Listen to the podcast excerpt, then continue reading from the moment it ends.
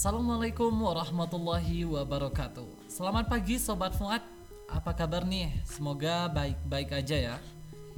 Oh iya, edisi kali ini berbeda dengan minggu-minggu sebelumnya. Karena edisi kita saat ini akan menyesuaikan dengan situasi saat ini tentunya.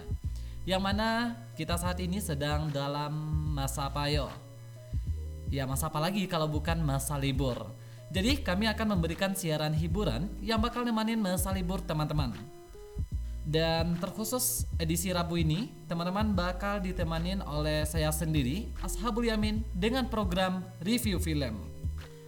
Jadi teman-teman, di masa libur ini kami tidak hanya review film aja, akan tetapi seperti dua hari sebelumnya, yakni pada hari Senin dan hari Selasa, kami memberikan program tempat wisata dan tentang kampus. Dan disusul dengan hari Rabu ini tentang review film. Dilanjut dengan hari Kamis besok dan Jumat mengenai review lagu dan bincang bareng mahasiswa atau BBM. Dan jangan lupa untuk teman-teman catat ya uh, jam kami nyiar yakni jam 10. Dan untuk hari ini kami agak sedikit molor karena ada sedikit uh, kesalahan tadinya Oke, lanjut. Jadi setiap hari Rabu ini Habul bakal update film-film dari Indonesia dan mancanegara. Dan seperti biasanya, kami bakal mutarin lagu populer baik dalam maupun luar negeri. Untuk sobat Fuad yang mau request lagu, request film atau sekedar kirim-kirim salam, bisa langsung DM ke IG K Radio Fuad. Oke, tanpa berlama-lama, uh, sebelum Habul mulai review film buat menambah semangat pagi ini Habul bakal mutarin lagu dulu nih buat Sobat Fuad. Tetap stay tune ya di Radio Fuad IAIN Bukit Tinggi. Selamat mendengarkan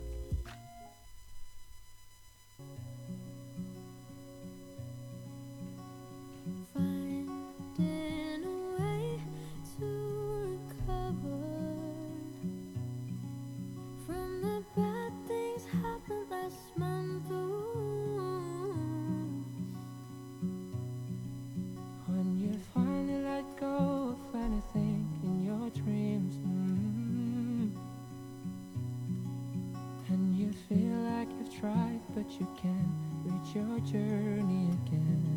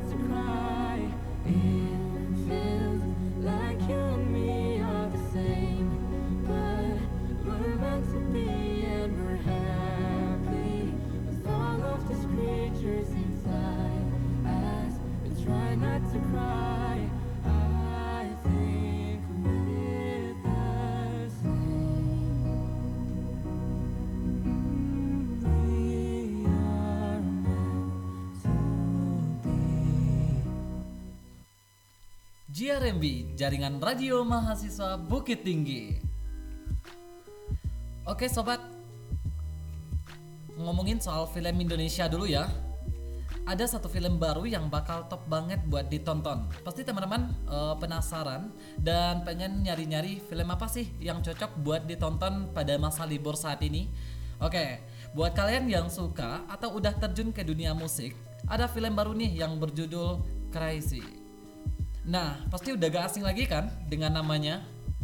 Dan film ini menceritakan tentang perjalanan karir si musisi legendaris ini yang dibintangi oleh Vino G. Bastian loh guys. Wah pasti bakalan kece banget nih filmnya. Oke jadi uh, Vino G. Bastian ini atau Crazy ini mm, dia menemukan minat dan bakatnya dalam dunia musik. Tapi tidak membuatnya tenang sepanjang hidupnya. Karena sejak remaja dia harus menentang ayahnya yang menginginkan Crazy menjadi seorang insinyur jadi bukan seorang uh, yang terjun ke dunia musik ya teman-teman. Terus Crazy ini diam-diam bermusik dan berjuang membuktikan bahwa bermusik memang pilihan hidupnya. Sekalipun popularitas telah didapatnya, kegelisahannya tak pernah berhenti. Crazy senantiasa berkarya. Album adalah nafas dalam hidupnya. Kerjasama dengan berbagai pihak terus dilakoninya. Bahkan Crazy melakukan hal tergila dalam hidupnya, sesuatu yang dia takuti sejak dulu, yaitu menari di panggung sebagai konsekuensi album dansanya yang terlaris sepanjang masa. Aku cinta dia. Siapa sih yang nggak tahu dengan uh, film ini? Oke, okay, bisa memerankan sosok musisi legendaris. Crazy di film ini menjadi kebanggaan tersendiri loh bagi Vino G. Bastian. Sang aktor uh, sang aktor pun menilai penyanyi yang telah melahirkan 20 album semasa hidupnya ini uh, bak seorang pahlawan Azea, pahlawan ya. Jadi kata si Vino nih, pahlawan tuh nggak cuman mereka yang angkat senjata dan dan berperang. Di dunia seni pun Khairil Anwar dan musisi seperti Crazy itu adalah pejuang-pejuang seni yang karyanya menginspirasi kita sampai saat ini. Film yang uh, disutradarai Rizal Mantovani ini juga turut diramaikan dengan kehadiran sejumlah bintang top loh sobat. Contohnya ada Velovexia yang berperan sebagai istri Crazy. Terus ada Damayanti Nur. Nah, udah filmnya bagus, pemainnya ikhlas semua ya teman-teman. Oke untuk itu teman-teman yang pengen nyari film-film silahkan ditonton film yang satu ini. Oke sebelum kita lanjut ke film kedua uh, kami bakal menghibur teman-teman dengan lagu yang satu ini. Selamat mendengarkan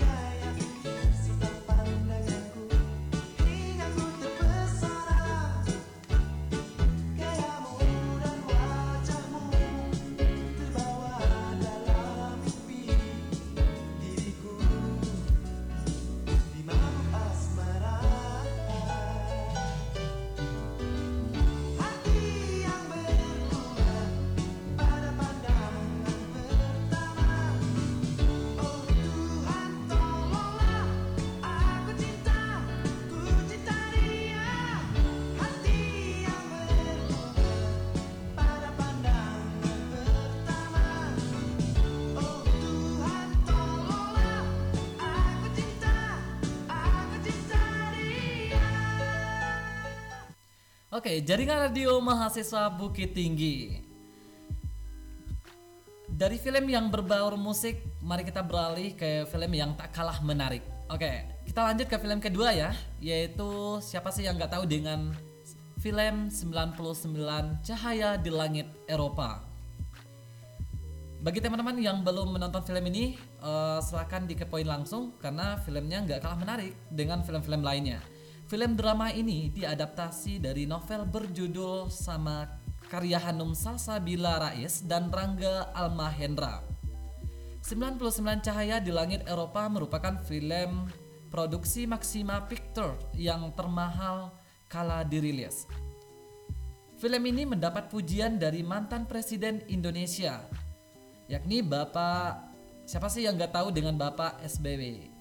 Bapak SBY, Bapak Susilo Bambang Yudhoyono saat pemutaran film perdana di Jakarta Theater pada tanggal 29 November 2013.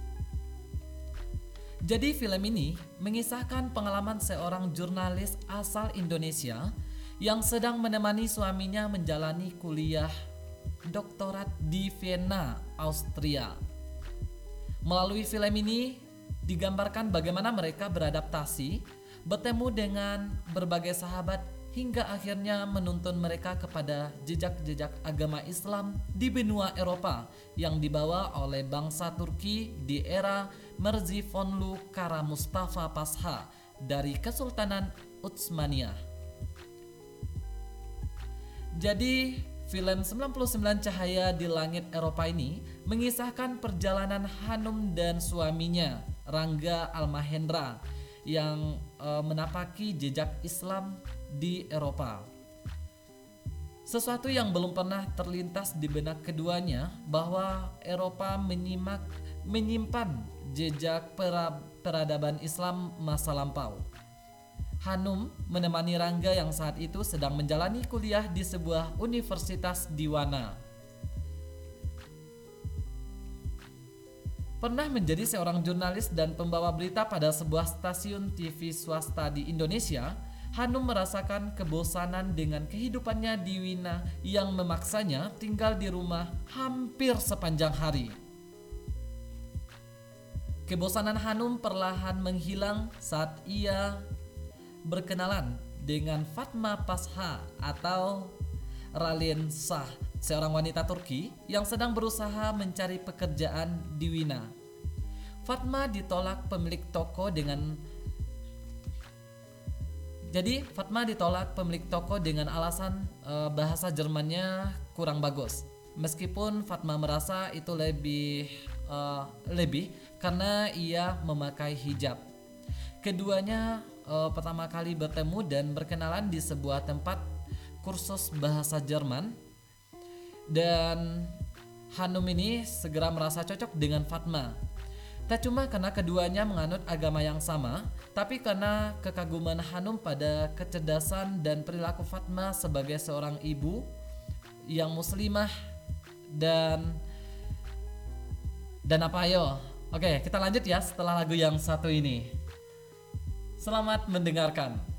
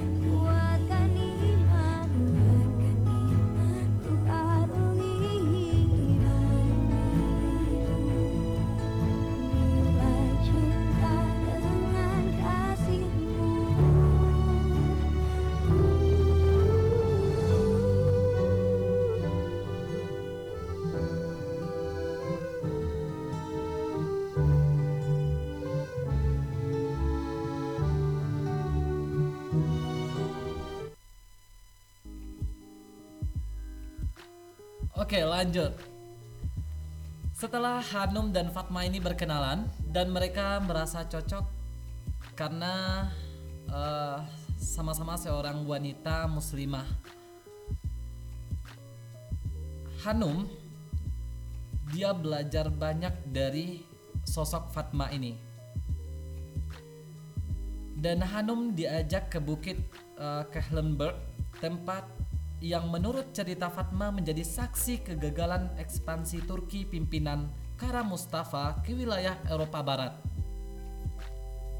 Hanum yang semula hanya sibuk belajar memasak di rumah dan sesekali berkeliling kota mendapat ketertarikan baru yaitu uh, mengenai sejarah Islam di Eropa. Tak cuma Hanum, Rangga pun belajar banyak hal tentang menjadi seorang muslim di Eropa. Di kampusnya, ia cukup sering mengalami pengalaman yang tak pernah ia rasakan di Indonesia. Misalkan, sholat di ruangan beribadah yang disediakan sang dosen, yakni Profesor Reinhardt. Yang menarik, ruangan tersebut diperuntukkan untuk umat beragama agama Kristen, Katolik, Islam dan Konghucu. Rangga menyebutnya ruang toleransi. Bagi teman-teman kami yang udah menonton pasti tahu ya dengan eh, sedikit kisah ini. Oke, kita lanjut. Rangga bahkan sempat mengalami konflik batin hebat saat melihat jadwal ujian yang ditetapkan Profesor Reinhardt pada Jumat siang. Sang profesor tak paham bahwa saat itu adalah waktu bagi muslim beribadah sholat Jumat. Waktu yang sama sakralnya dengan ibadah minggu umat Nasrani dan ibadah Sabtu umat Yahudi.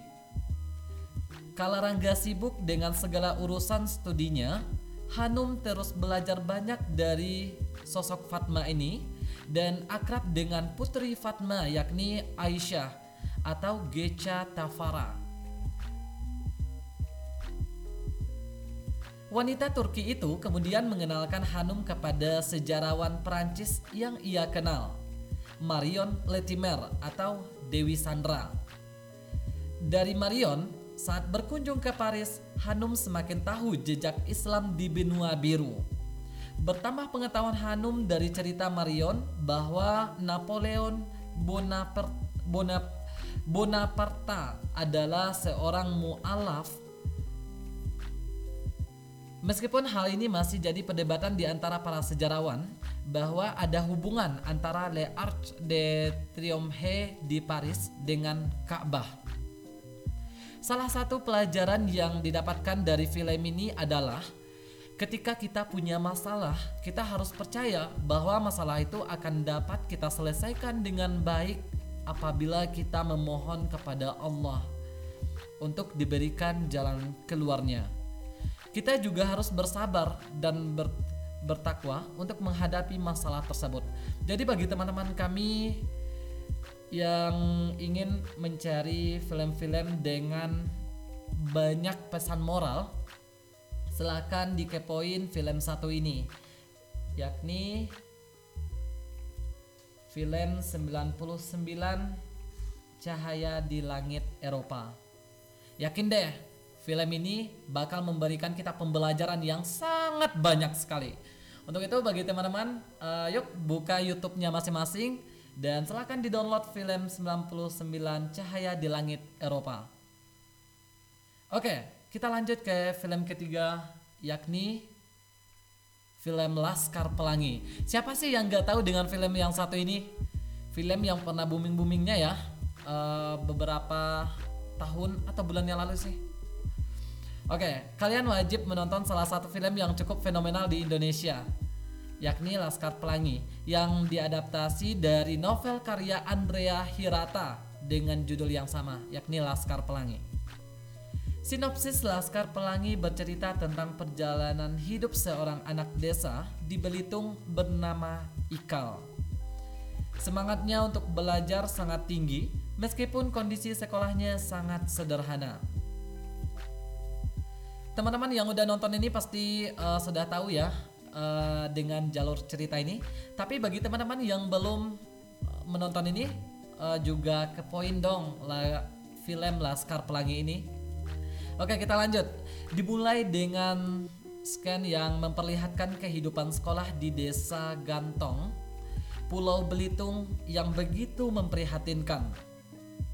Pasalnya, sekolah dasar tersebut merupakan satu-satunya sekolah anak miskin yang ada di daerah tersebut.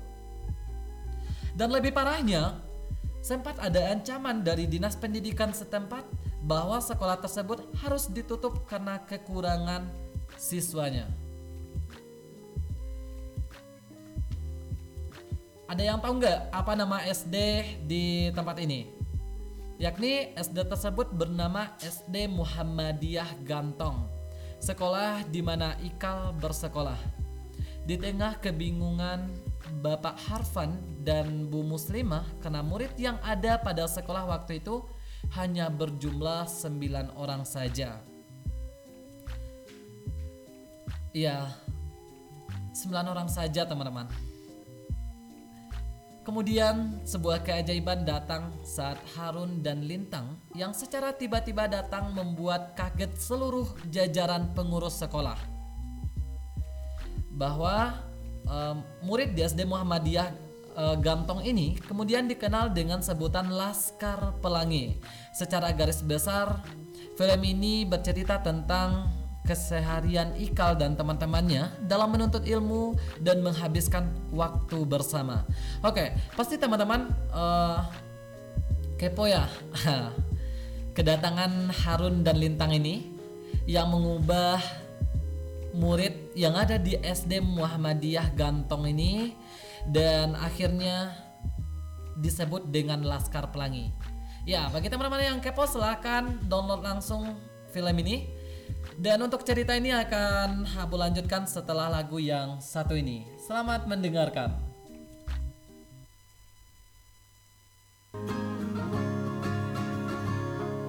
Mimpi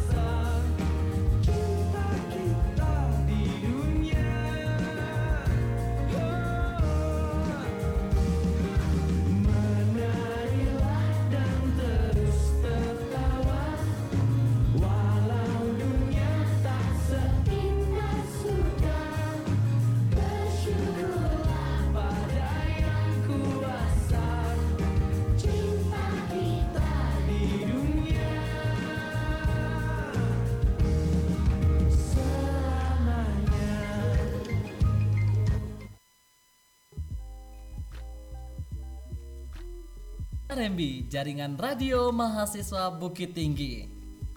Lagunya aja udah banyak pesan moral ya teman-teman, apalagi filmnya.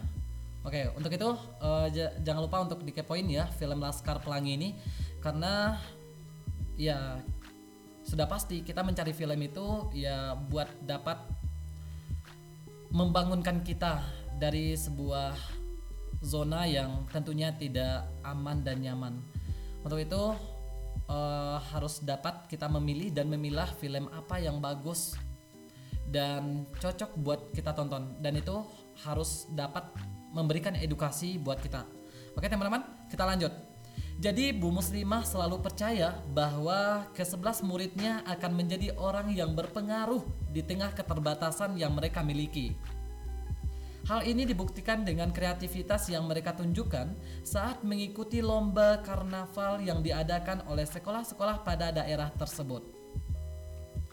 Tidak berhenti di situ, prestasi demi prestasi kembali ditunjukkan oleh Ikal, Lintang, dan Sahara dengan memenangkan perlombaan cerdas cermat. Sampai pada sebuah momen di mana Lintang memutuskan untuk berhenti sekolah karena tidak memiliki dana Sayang sekali ya teman-teman. Namun, tekad dan ikatan persahabatan mereka yang kuat akhirnya mampu membuat Lintang kembali bersekolah. Jadi pesan yang dapat diambil, kekurangan bukan menjadi penghalang untuk melakukan hal hebat. Persahabatan yang erat bisa membuat hidup lebih menyenangkan selalu melibatkan Tuhan dalam hal apa pun. Oke teman-teman, itu tadi tentang film yang lagi booming dan bagus buat kita tonton di masa liburan ini. Pasti teman-teman mau tahu ya film-film lainnya yang kece dan hits. Untuk itu tetap jadikan hari Rabu ini hari yang ditunggu-tunggu. Karena setiap hari Rabu Habul bakal nemenin teman-teman dengan memberikan uh, fil uh, memberikan review film yang tentunya menarik dan memberikan edukasi pastinya. Oke, jadi teman-teman dari ketiga film yang telah Habul uh, bacakan tadi, yakni ada film Crazy, terus ada film 99 Cahaya di Langit Eropa dan terakhir film Laskar Pelangi. Semua film ini tentunya memberikan edukasi kepada kita, memberikan pembelajaran tentunya. Dan teman-teman, di mana pun kita berada, untuk tetap uh, cinta kepada produk lokal, ya, dengan cara download film-film ini di YouTube masing-masing dan khususkan dengan film Indonesia ini ya teman-teman. Oke, Habul bakal kembali lagi di hari Rabu depan dan jadikan Rabu ini adalah hari yang ditunggu-tunggu. Oke, Asabul uh, mohon pamit dulu karena sekarang telah menunjukkan pukul 11 lewat 57 menit. Asabul bersama teman-teman dari Radio Fuad IAIN Bukit Tinggi mengucapkan selamat hari libur dan semoga hari liburnya bermanfaat dan Semoga dengan review film ini mampu meningkatkan semangat teman-teman di hari libur dan hari uh, selanjutnya dapat menjadi hari yang lebih bermakna dan tentunya barokah buat kita semua. Amin. Asabul pamit undur diri bersama rekan di Radio Fadi Yayan Bukit Tinggi. Wassalamualaikum warahmatullahi wabarakatuh.